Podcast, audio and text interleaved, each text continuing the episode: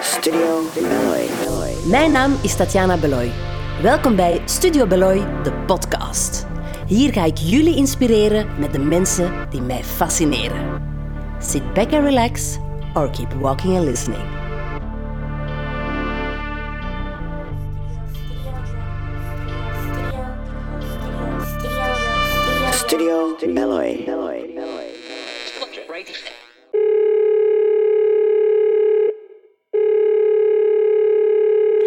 Hallo Lise en welkom bij Studio Beloy, de podcast. Lise, jij bent vroedvrouw van opleiding, maar jij bent ook slaapcoach. En daar gaan we het vandaag over hebben. Wat is dan nu juist een slaapcoach voor baby's dan? Hey Tatjana, fijn dat je mij uh, vraagt deze ochtend om uh, met jou een babbeltje te doen. Um, ja, ik krijg die vraag eigenlijk wel vaker, want het is nog niet uh, zoiets gekend hier bij ons in België. Mm -hmm. in, in, onze omringende landen is al jaren ja, een, een job eigenlijk. Bij ons is dat nog maar vrij nieuw. Nu, wat doen wij vooral als slaapcoach, is eigenlijk um, ouders begeleiden van kindjes die effectief slaapproblemen hebben of onrustproblemen. Dus dat kan gaan van overmatig huilen naar moeilijk in slaap vallen, moeilijk doorslapen, uh, heel vroeg wakker worden. Dus alles wat dat eigenlijk een beetje te maken heeft met ja, onrustig zijn van kinderen en -hmm. uh, gekoppeld dan aan slapen. Ja, wat heel belangrijk is, is dat ouders natuurlijk ook een rust hebben, de kinderen ook. Um, ja, jij hebt de Sleep Code, een, milde troostmethode. Dat is jouw methode. Um, kan je daar wat meer over vertellen? Ja, wel, als ik uh, mijn research aan het doen was naar uh, slaapcoaching, want ja, dat is inderdaad hè, nog vrij, vrij nieuw. Uh, ik ben er eigenlijk mee begonnen, de research denk ik een dikke tien jaar geleden. Um, ik ben nu zelf vijf jaar slaapcoach en sinds mm -hmm. eigenlijk ja, een jaar of twee heb ik zo'n beetje mijn eigen methode daarin ontwikkeld, omdat um, wat merkte ik vaak is dat de benaderingen van het slapen, en je hebt enerzijds de theorie, die is wat het is natuurlijk, slaap is wetenschap, maar de manier waarop dat je dan gaat benaderen, vond ik op sommige gebieden uh, ja, een beetje al achterhaald. Als je het dan vergelijkt met de vormen van mild ouderschap en zo, dan ja, past zo'n cry-it-out methode daar al absoluut niet meer in. Ook de wetenschap toont aan dat dat dan niet meer uh, ja, de beste manier is van een kindje te benaderen. Dus ben ik gaan zoeken. Uh, ik heb zelf een opleiding binnen de ontwikkelingsgerichte zorg, uh, gezien ik al ja, bijna 13 jaar met prematuren werk. En eigenlijk heb ik daar een combinatie gemaakt van wat er ja, op de markt beschikbaar is aan methodes naar slapen toe. En dat eigenlijk een beetje samengevormd gevoegd liever met um, de ontwikkelingsgerichte zorg. En zo is de methode ontstaan dat je eigenlijk per leeftijd, naar gelang wat het kindje al aan kan, uh, ja, een methode kan gaan, gaan toepassen om je kleintje te helpen rustig te worden. En dat op een liefdevolle manier, waar je als mama als papa altijd kan bij jouw kleintje blijven. Want -hmm daar komt altijd een beetje recht als zo de tips gegeven worden van uh, laat je baby maar eens huilen en dan zal die wel in slaap vallen. Dus bij mij gaat het er altijd over dat je zeker uh, responsief blijft reageren, dat je bij je kleintje blijft, maar dat mm -hmm. toch ook grenzen bewaakt worden en dat je toch je kleintje op een liefdevolle manier kan gaan leren om uiteindelijk, wanneer ze er klaar voor zijn, zelfstandig te gaan slapen. Ja, dat vind ik zo interessant, want ik dacht altijd, oh, onze kleine baby die slaapt keigoed, weliswaar aan de borst. En op een gegeven moment dacht ik van, die valt in slaap, we hebben hier totaal geen slaapproblemen. Maar ja, zoals je weet, je viel dus aan de borst in slaap. En vanaf dat ik even uit bed wou, of naar het wc moest, of gewoon een drankje wou gaan halen, of naar mijn man wou, hup, dan schoot hij wakker, kleed die terug aan en hup, die slaapt verder. Dus ik dacht, geen probleem zo gaat dat. Oké, ik zit soms voor twee, drie uur vast. Tot ik ineens dacht van ja, die valt dus effectief niet zelf zelfstandig in slaap. En ik ben daar ook over beginnen researchen. En zoals jij zegt, de cry it out methode. Oh, ik vond dat zo erg, want ik denk, die is zes, zeven maanden gewoon dag in dag uit bij mij. En plots moet ik die in een bedje leggen en dan staat er pak een meter afstand, sluit de deur, wacht tien minuten, laat hem huilen, um, zet streepjes. Allee, ik dacht echt, dit is pure horror. Ik heb dat één avond geprobeerd. Ik was aan het huilen, mijn baby was aan het huilen, mijn man had zoiets, ah, wat is dat? En ik dacht, dat werkt niet voor mij. En ja, daarom dat ik dat ook heel belangrijk vind om uh, met jou vandaag te praten. Want ik kan mij voorstellen, voor sommige ouders, ik ken ouders die zeggen, nee, nee, dit werkt voor mij, dit gaan we zo doen. Allee, al mijn respect. Maar voor mij, ik ben zo gevoelig en daar zo mee bezig. Ik besef zelf ook, en mijn man is cameraman, als hij nachtopnames heeft en ik lig alleen, ik vind dat ook niet tof. Dus ik denk, een babyke gaat dat misschien ook niet zo leuk vinden om alleen te slapen. Um, ja, dat ik dat heel drastisch vond. Ik dacht echt, allee, dat is... Ja, dat werkt niet. Dus ik vind dat heel leuk dat wat jij zegt is... Ik weet nog toen ik met jou belde, dat je ook zei, wat willen jullie? Hoe werkt het voor jullie? Dat er eerst geluisterd werd naar, ja, hoe pakken wij het al aan in de plaats van methode 1. Als dat nu werkt, ga dan over naar 2. Als dat niet werkt, pak dan 3. En ja, oh, ik, ik, ik vond dat verschrikkelijk. Dus dat is een beetje mijn persoonlijk verhaal. En ik ben blij dat er een soort van milde troostmethode bestaat. Um, want ja, merk je dat zelf ook, dat ouders daar mee struggelen? Want langs de ene kant, zo'n harde training is misschien ja, op korte tijd doeltreffender. Misschien denken ouders, ja, maar ik moet binnen een paar weken terug beginnen werken. Mijn baby moet slapen, want ik moet presteren of zo. Of ik, ja, ik, ik doe het op onze manier of op de milde manier, maar dat duurt misschien langer. Ja, het is inderdaad een feit natuurlijk. Als je op een mildere manier gaat gaan werken, dan werken we eigenlijk op het tempo van het kind en dat kan je niet forceren. Dus mhm. dat kan dat de milde manier van, van helpen om in slaap te vallen, kan zijn dat bij het ene kind op enkele weken echt een, spectaculair verschil geeft. En andere kinderen, ja, heb ik soms mama's die mij laten weten na twee, drie maanden van ja, weet je, het gaat wel beter, maar ik heb het struggle toch nog met dit en met dit.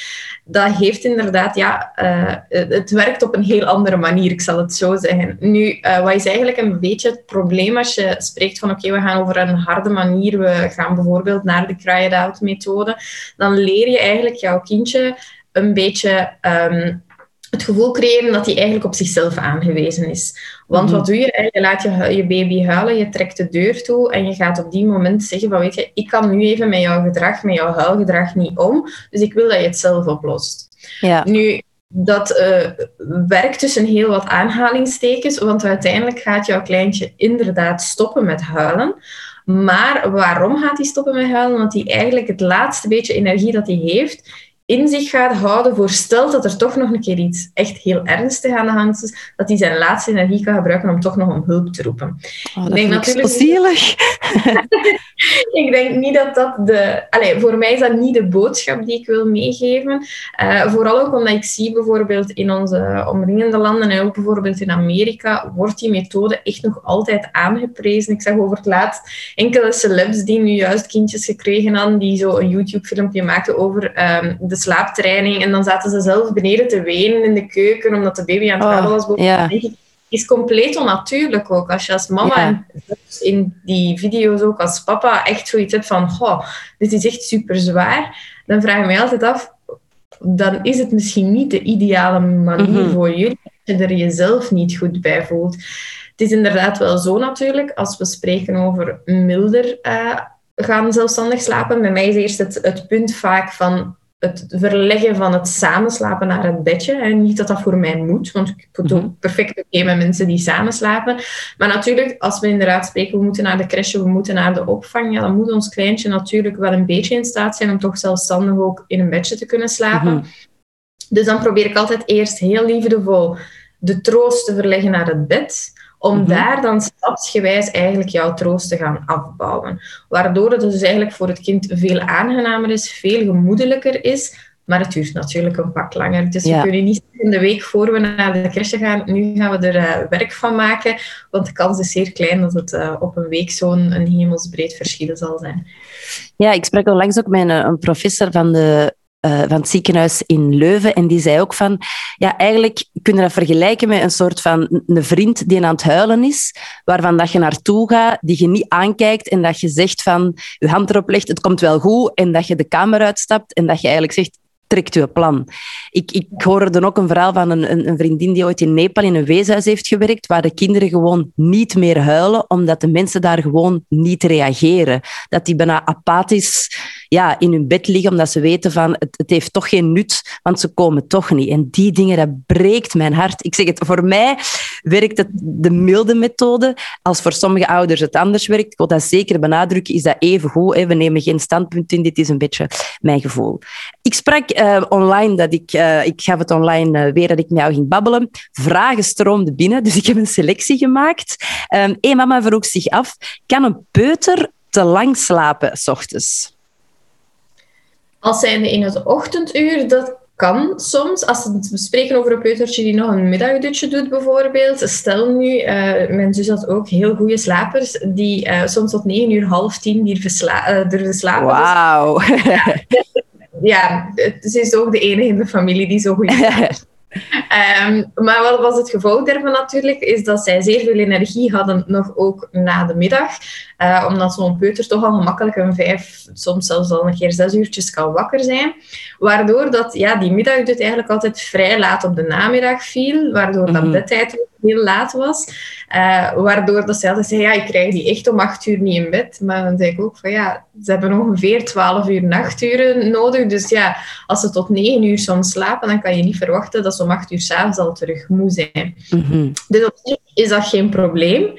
Maar natuurlijk, ja, als de bedtijd later wordt, dan merk je ook wel dat ze soms een pakje lastiger zijn en dat die middagdut ook soms minder goed verloopt. Eigenlijk in het algemeen gezien is het ideale uur om op te staan is rond 7 uur voor eigenlijk mm -hmm. alle kinderen. En eigenlijk zelfs ook voor ons nog steeds, voor ons bioritme. Okay. Ik wil allemaal graag 's morgens wel eens eventjes van langer slapen. Maar eigenlijk is zo tussen 7 en 8 een laatste opstaan eigenlijk ideaal voor gelijk welke leeftijd. En hoe laat moet je dan gaan slapen als je tegen 7 uur best opstaat? Zelf dus dan? Wij zelf, wij kunnen eigenlijk perfect tot een uur of tien, elf, mm -hmm. het eigenlijk wel uithouden, dat we toch zo ook nog een goede acht uur slaap hebben. Naar ja. onze kinderen toe zitten we echt op 11 à 12 uur. Dus dat wil zeggen, als we tussen 7 en 8 opstaan, dan ook best tussen 7 en 8 s'avonds eigenlijk gaan slapen. Ja. Perfect. Een andere mama die zei van ja, mijn dochtertje van zes, die slaapt niet door, die doet ook geen dutjes. Wat moet ik daaraan doen? Heb je tips? Ja, een kleutertje dan hè, van zes jaar al, dat is natuurlijk een heel ja, pak minder gemakkelijk om, uh, om te gaan aanleren. Enerzijds wel gemakkelijker, anderzijds moeilijker. Waarom wel gemakkelijker? Omdat je ook kan communiceren met deze kinderen. Dus je kan uh -huh. echt communicatief duidelijk afspraken maken, duidelijk grenzen aangeven, daar ook over praten. Uh, en je kan ook aan je kind medewerking vragen. Dus je kan ook zeggen, maar kijk, hè, waarom kom je s ochtends bijvoorbeeld heel vroeg uit bed? Waarom kom je s'nachts ja. uh, nog uit bed. Wat is het probleem? Wat kunnen we daaraan doen? Wat zou voor jou aangenamer zijn? Dat je eigenlijk echt daarover in communicatie gaat. Want als het kind kan meebeslissen over wat er gaat gebeuren, ga je zien dat er veel meer samenwerking is. Ja. En dat ze zich ook veel gemakkelijker eigenlijk aan de nieuwe grenzen gaan houden, omdat ze ze ook mee bepaald hebben. Um, naar de nacht toe zelf is het heel gevaarlijk om in discussie te gaan met je kind. Oké. Dat je eigenlijk wilt van, je moet naar bed, ik wil dat je nog slaapt, het is nog donker buiten, we geven een hele hoop uitleg.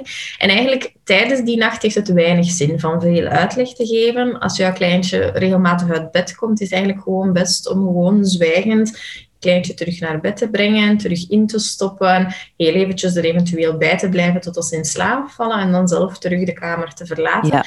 Uh, ik krijg veel vragen van, ja, is het dan zo erg als ze bij ons in bed kruipen? Nee, voor mij is dat helemaal niet erg. Als je dat gezellig vindt, by all means, doe dat Maar het gaat hem vaak over het feit dat dat voor een bepaalde periode vaak gezellig is, mm -hmm. totdat het eventueel voor twee ouders niet meer zo fijn is. En dan is het natuurlijk weer een kwestie van iets af te leren. Dus ik zeg ook wel altijd, zorg ervoor dat je niet iets aanleert wat je weet dat je nadien ook gaat moeten afleren. Ja. Dus gedurende de nacht proberen zo consequent mogelijk te zijn, maar gewoon rustig uh, proberen je niet op te ja. jagen. Dat is het moeilijkste van allemaal. Um, Want afleren is soms moeilijker dan aanleren, toch? Ja, je hebt een bepaalde gewoonte natuurlijk. Dat is eigenlijk een beetje zoals bij ons. Als wij een, een ja, slechte is een groot woord, maar ja. als we een gewoonte aannemen en achteraf blijkt dat die misschien voor ons toch niet zo ideaal is, als je die dan terug wil gaan ja, afleren, dat vraagt wel echt wat tijd, want dat is zoiets ja, dat je lichaam letterlijk aan gewoon geworden is. Ik heb het over het laatst nog iets op mijn Instagram stories gepost, dat is iets heel stom. Maar elke keer als ik in de auto stap, dan heb ik de gewoonte van een kauwgom te nemen. Mm -hmm. En nu over laatst ging ik zelfs naar de winkel, hier drie straten verder, en mijn kauwgomdoosje was leeg. En op die drie straten heb ik drie keer naar dat doosje gegrepen puur echt gewoon onbewust uit gewoonte van, ah ja, een kou, ah ja, nee, het is op. Ah, ja, ja, ja. Voorstellen, als het gaat over zoiets heel stom, heel banaals, hoe rap dat dan een gewoonte is. Als het dan gaat over bijvoorbeeld, uh, ik kom s'nachts uit bed en ik kruip bij mama en papa in bed. En dat wordt toegestaan en mama en papa vinden dat fijn. En na, laten we zeggen, twee, drie weken vinden mama en papa dat niet meer fijn en moet ik hier terug naar mijn bed. Dan kan het wel zijn moeilijk? dat ze vier, vijf keer uit bed komen natuurlijk. Ja. Want het is een gewoonte geworden. Inderdaad. Ja, dit was voor een zesjarige natuurlijk, allee, denk ik, geen echte dutjes niet meer. Wat als het kindje zes maanden is en niet slaapt en geen dutjes doet en de nacht wakker blijft? Wat zijn dan jouw tips? Is natuurlijk een, eh, een uitgebreid probleem natuurlijk. Nu, daarvoor zijn eigenlijk de consultaties gemaakt, omdat het voor mij altijd heel belangrijk is om te gaan achterhalen waarom een kindje niet slaapt. Je kan eigenlijk het slaapprobleem niet aanpakken als je niet weet van waar het komt. Mhm. Nu, wat merken we heel vaak bij heel jonge kinderen bijvoorbeeld, is het, feit dat ze inderdaad nog niet zelfstandig kunnen in slaap vallen, waardoor ze na één slaapcyclus terug wakker worden en die eerste hulp die ze al gehad hebben bij het inslaapvallen opnieuw nodig hebben. Ja. Meestal als je die hulp biedt, zullen ze misschien wel nog een keertje in slaap vallen. Natuurlijk, als het gaat over op die momenten de borst geven bijvoorbeeld, het samenslapen, wat op de arm slapen, dan ga je dat ook opnieuw moeten aanbieden om terug te kunnen in slaap vallen. En dan zal het ook s'nachts het geval zijn. Ja. Dus is daar de bedoeling dat we dan echt stapsgewijs gaan werken naar het zelfstandig leren slapen. Dus eerst wegleggen van de arm, troosten in bed, om dan daar eigenlijk de troost af te bouwen tot als het zelfstandig lukt. En dan zal het ook gemakkelijker zijn om slaapcycli aan elkaar te schakelen en om s'nachts ook langere blokken door te slapen. Ja, oké, perfect. Ik kreeg ook de vraag van ehm, wanneer moet je een vast schema maken voor je baby om te gaan slapen? Of mag het gewoon altijd op het ritme van de baby? Wel, dat is een zeer moeilijke vraag in de zin van dat het inderdaad overal verspreid wordt. Hè. Leven op het ritme van je baby. En dat kan zolang als dat eigenlijk alles vlot verloopt. Nu, ik zie mhm. natuurlijk al uh, de gezinnen waar het niet zo vlot verloopt. In de zin van, stel dat jouw kindje geboren wordt, ik zeg maar iets, met een spoedkeizersnede. Er werd een zuignap gebruikt, er werd op de buik meegeduwd. Uh, er was bijvoorbeeld uh, problemen kort na de geboorte. Dan zijn dat al stresssituaties eigenlijk van in het begin. En dan merk je heel vaak dat die kinderen echt inhoudelijk heel veel stress hebben. En dan is het zeer moeilijk om te leven op het ritme van het kind, want die zijn dan zeer gevoelig bijvoorbeeld voor licht, voor geluidprikkels, wat al heel snel een natuurlijk baby ritme eigenlijk verstoort. En als je mhm. daar niet attent voor bent van in het begin en je wilt leven op hun ritme, ja, dan kan het zijn dat je elke half uur moet gaan voeden of dat je baby elke uur op de, op de arm moet liggen omdat die heel hard aan het huilen is. Dan is het voor mij belangrijk om daar eens te gaan kijken, oké, wat ligt er aan de oorzaak? En dan gaan we toch meer naar een ritme werken, eigenlijk vooral ook voor het voor de ouder gemakkelijker te maken om te kijken wat kind nodig heeft. Ik ben sowieso altijd grote fan van uh, routines en regelmaat voor mezelf, als voor de kindjes. Ook in het ziekenhuis waar ik nog werk, uh, werk ik met prematuren, waar wij ook eigenlijk ja, een soort vast ritme aanhouden voor de kleintjes. Mhm. Het is wel per kind gezien, het is niet dat wij vaste voedingsuren hebben, dus het is wel per kindje gezien, maar we maken inderdaad wel een soort dagschema op met om de zoveel tijd voeden, tussenin wordt er dan geslapen en we, we helpen hen dan ook om inderdaad pas voeding te krijgen rond die momenten. Um, en tussendoor effectief ja, verder te slapen. Dus die worden eigenlijk een beetje een ritme aangeleerd. Ja. Werkt ook wel vrij goed. Maar zijn er mama's die zoiets hebben van, weet je, bij mij gaat alles goed, alles gaat vlot en ik wil eigenlijk heel graag uh, voeden op vraag, laten slapen op vraag. Dat is ook Prima. geen ja. probleem. Je gaat alleen merken dat naar een bepaalde leeftijd toe, en dat is meestal na vier maanden, ze echt wel meer nood hebben aan die regelmaat. Maar die eerste drie, vier maanden kan het allemaal. Ja, ik merk dat bij ons ook van dat tijd, dat time heals. Dus dat ik in het begin dacht, oei, en die valt dan niet zelfstandig in slaap. En als ik nu kijk, we hebben een fantastische nacht gehad. Bij ons is het een beetje, ik geef hem ja, op vraag nog eten. Soms er ook als troost. Hij kruipt nu overal op en trekt zich vast. Als die, als die valt, hup, wil hij ook even de borst. En ik geef dat, want ik vind dat niet erg. Um, S'avonds geef ik de borst, legt mijn man hem in zijn bedje, in zijn kamer. En eigenlijk dan tussen ja, zeven en acht is dat meestal. En dan tot aan de droomvoeding tegen 11 uur heeft hij gewoon in zijn eigen bed rustig geslapen. Hebben wij even quality time? Um, kan ik doen wat ik wil? Um, heeft hij ook al een paar uur goed geslapen. En tegen de droomvoeding liggen wij meestal ook in bed. En dan kiezen wij van, als het lukt om hem terug weg te leggen, ça va. Als het niet lukt en wij merken, ah, hij wil dicht bij ons blijven, wij hebben een wiegje naast het bed en soms gewoon bij ons in bed. En ik heb zoiets, dan kiezen wij ook voor onze nachtrust. Dan slaapt hij, dan slapen wij. En wij hebben die paar uur daarvoor voor ons gehad, eigenlijk. Dus ik heb zoiets, dat is de manier dat werkt. En goh, hij valt dus zelfstandig in slaap, maar wel nog eerst de borst. Maar dat was, ja, toen ik voor de eerste keer met je sprak, dacht ik ook, oh, dat lukt mij niet en die valt maar niet zelfstandig in slaap. En ik merk nu, vandaag is hij tien maanden, en dat is een manier dat perfect werkt. En soms zijn de nachten nog horror. En ja, iedereen heeft soms wel eens een slechte nacht, maar dat is een beetje ons verhaal. Um, ik kreeg ook van een, een, mama de vraag van ik doe aan slaapcoaching, maar mag jij dan ook een nachtje bij de oma gaan slapen? Want of moet ik dat dan echt respecteren of mag ik hem dan toch eens uit die coaching eigenlijk wegtrekken? Van mij mag altijd alles. In de zin van dat het ook belangrijk is. Je kan eigenlijk een begeleiding van, van slapen eigenlijk niet volhouden als je eigenlijk continu, continu strikt aan die regels je moet houden. Het is eigenlijk gewoon best van af en toe ook eens te doen wat dat goed voelt voor jezelf. En als je mhm. zegt van oké, vanavond wil ik echt graag met mijn man ik zou gezegd hebben, we gaan eten, maar ja, dat gaat nu eventjes niet. Ja. Uh, we een, uh, een filmavond of zo. En uh, het is dus fijn om samen iets te doen. En de kleine prut gaat even slapen bij de oma. Is perfect oké. Okay. Dan gaat ja. een slaapbegeleiding of slaaptraining zeker niet helemaal... Um, van de rails halen, dat zeker en vast niet. Wat ik wel altijd vraag is waar dat ze gaan slapen, dat ze daar een beetje kunnen rekening houden met wat je thuis al aan het doen bent, mm -hmm. natuurlijk. Daar dan communiceren.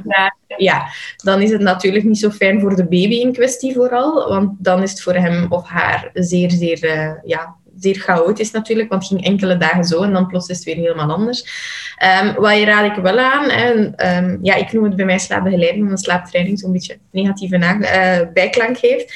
Maar wat probeer ik wel te zeggen, is als je bezig bent in die eerste vier, vijf dagen, waar het eigenlijk het moeilijkste is, vandaar wel een beetje de focus te leggen dat, ja. Ja, dat je thuis blijft en dat je echt op kan oefenen in huis. Maar eigenlijk eens dat je door die eerste moeilijke dagen bent, want de eerste dagen zijn zo de gedragsaanpassingsdagen, mm dus die zijn het moeilijkste, dan kan het eigenlijk perfect dat, uh, dat je kleintje terug naar de crèche gaat of bij de grootouders gaat slapen, is dan op zich geen enkel probleem. Ja, en wat als je borstvoeding geeft en de baby neemt geen fles? Hoe krijg je die dan bijvoorbeeld eens een nachtje bij de grootouders? Dat is een zeer, zeer goede vraag, want dat is eentje die matig binnenkomt. En dan is echt een kwestie van één, testen welke fles dat goed werkt. Uh, dan kijken of het best is met moedermelk in de fles of eventueel met kunstvoeding. Want je hebt maar wat als hij of zij geen fles neemt? Wel, ah. Ga je daarmee beginnen? Dan ja, ja. We gaan eerst de entourage goed zetten. En um, je hebt eventueel alle mogelijke soorten flessen in huis. Uh, mm -hmm. Dan is er kijken, oké, welke melk gaan we geven? We proberen altijd eerst met mamamelk, maar je hebt er inderdaad die moedermelk weigeren in fles en poedermelk dan wel drinken, omdat het toch een andere smaak is. Uh, en dan is het een kwestie natuurlijk van kijken, waar lukt het best? Want sommige kindjes drinken bijvoorbeeld van de fles wel bij mama. Anderen weigeren compleet, omdat ze ook weten dat de borst in de buurt is. En dan is het soms beter om het uh, bij papa te proberen. Mhm. Of bij de grootouders, iemand vreemd. En het is echt een kwestie van trial and error. Proberen, proberen, proberen. Uh, ik ben niet degene die gaat zeggen van, weet je, honger ze maar uit, want uiteindelijk gaan ze dan wel drinken. Ik weet dat dat een techniek is die keigoed werkt. En die uiteindelijk wel werkt, want ja, ze ja, ja dan gaan ze ook wel drinken. Um, dat is ook de, de adviezen die vaak gegeven worden door onze kinderartsen. Uh, maar ik vind dat nogal verschrikkelijk. Dus ik probeer gewoon te oefenen, oefenen, oefenen, tot als er een moment komt dat het klikt en dat ze dan uiteindelijk toch wel een fles gaan gaan drinken. Maar bij het ene kind kan dat echt weken aanhouden, bij een ander kind na enkele dagen zijn dat dat eigenlijk wel vrij, vlot gaat.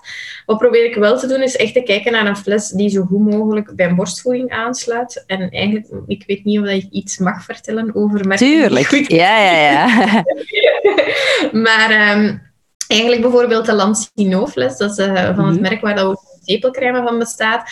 Uh, een manfles bijvoorbeeld, zijn toch twee flessen die echt zeer, zeer goed werken um, bij het combineren met een borstvoeding eigenlijk. En welk was het tweede? Een... De mam-fles, gewoon M-A-M, van mama, ah, zonder de erachter. Uh, zijn eigenlijk twee flesjes die vrij goed werken en heel goed aanvaard worden door kinderen. Nu, ik ga niet zeggen dat het sluitend is natuurlijk, want je hebt mhm. een van die flesweigeraars die niets willen. En dan kan je eventueel nog met een bekertje proberen. Dus dat kan eventueel ook, om op die manier dan toch de voeding binnen te krijgen. En wat merken we wel, naarmate dat ze naar de crèche gaan, en ja, daar niet anders inderdaad aan kunnen, gaan ze mhm. uiteindelijk wel um, ja, iets anders uh, nemen dan de borst. Maar van het moment dat mama dan terug in de buurt is, is de kans zeer groot dat de beker of de fles terug aan de kant gaat en dat ze toch nog altijd ja. En, wat, en tot wanneer hebben ze eigenlijk nog s'nachts uh, voeding nodig? Uh, theoretisch gezien zegt men dat ze eigenlijk tussen zes en acht maanden die nachtvoeding kunnen laten wegvallen. Nu, uh, wat merk ik wel vaker? Alleen, mijn visie is, als je s'nachts tien minuten bezig bent met één nachtvoeding en daarna slaapt jouw kind terug door, of je moet weken aan een stuk twee uur s'nachts opzitten met een huilende baby omdat hij toch echt nog honger heeft, dan kies ik voor die tien minuten voeding geven. Absoluut, ja. Ik doe dat ook, ja. Ook al is die dan 10 maand, 12 maand, dat maakt mij eigenlijk niet zoveel uit.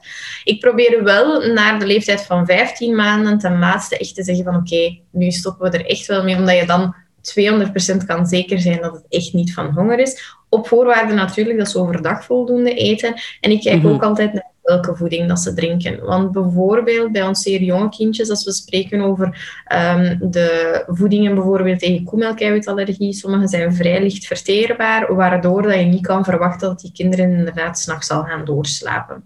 Ik heb wel regelmatig mama's die mij bellen en zeggen, ja, maar de kinderarts zei, of, of iemand anders heeft gezegd dat ik die nachtvoeding moet laten, dat het dan veel beter gaat zijn. als ik dan vraag welke voeding drinken ze, en ja, dan weten we eigenlijk wel, en dat is dan het geluk van vroedvrouw te zijn als achtergrond, dan weet je wel dat dat eigenlijk gewoon voor die kinderen niet haalbaar is om al acht of tien uur door te slapen.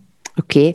Lise, dank je wel voor al jouw tips. Je bent zelf ook uh, heel actief online. Waar kunnen de mensen jou terugvinden? Want ik kan me voorstellen dat ze luisteren, maar toch nog 101 vragen hebben of specifiek bij jou terecht willen komen. Hoe kunnen ze jou terugvinden? Ze kunnen mij terugvinden op uh, de website. Het is gewoon de babyslaapcoach.com. of op uh, Instagram ben ik vooral uh, actief. Is ook gewoon de babyslaapcoach. Facebook zit er ook wel een beetje bij. Maar ik heb gemerkt dat het platform Instagram mij meer ligt dan Facebook. Dus daar komen eigenlijk de meeste naar voren en de meeste vragen. En daar deel jij ook heel veel tips en heel veel notie. Dus um, vooral volgen. Lise, dank je wel. Um, ik wens jou nog superveel succes. En ik hoop uh, uh, iedereen die luistert dat jouw babytje of jouw kindje goed slaapt.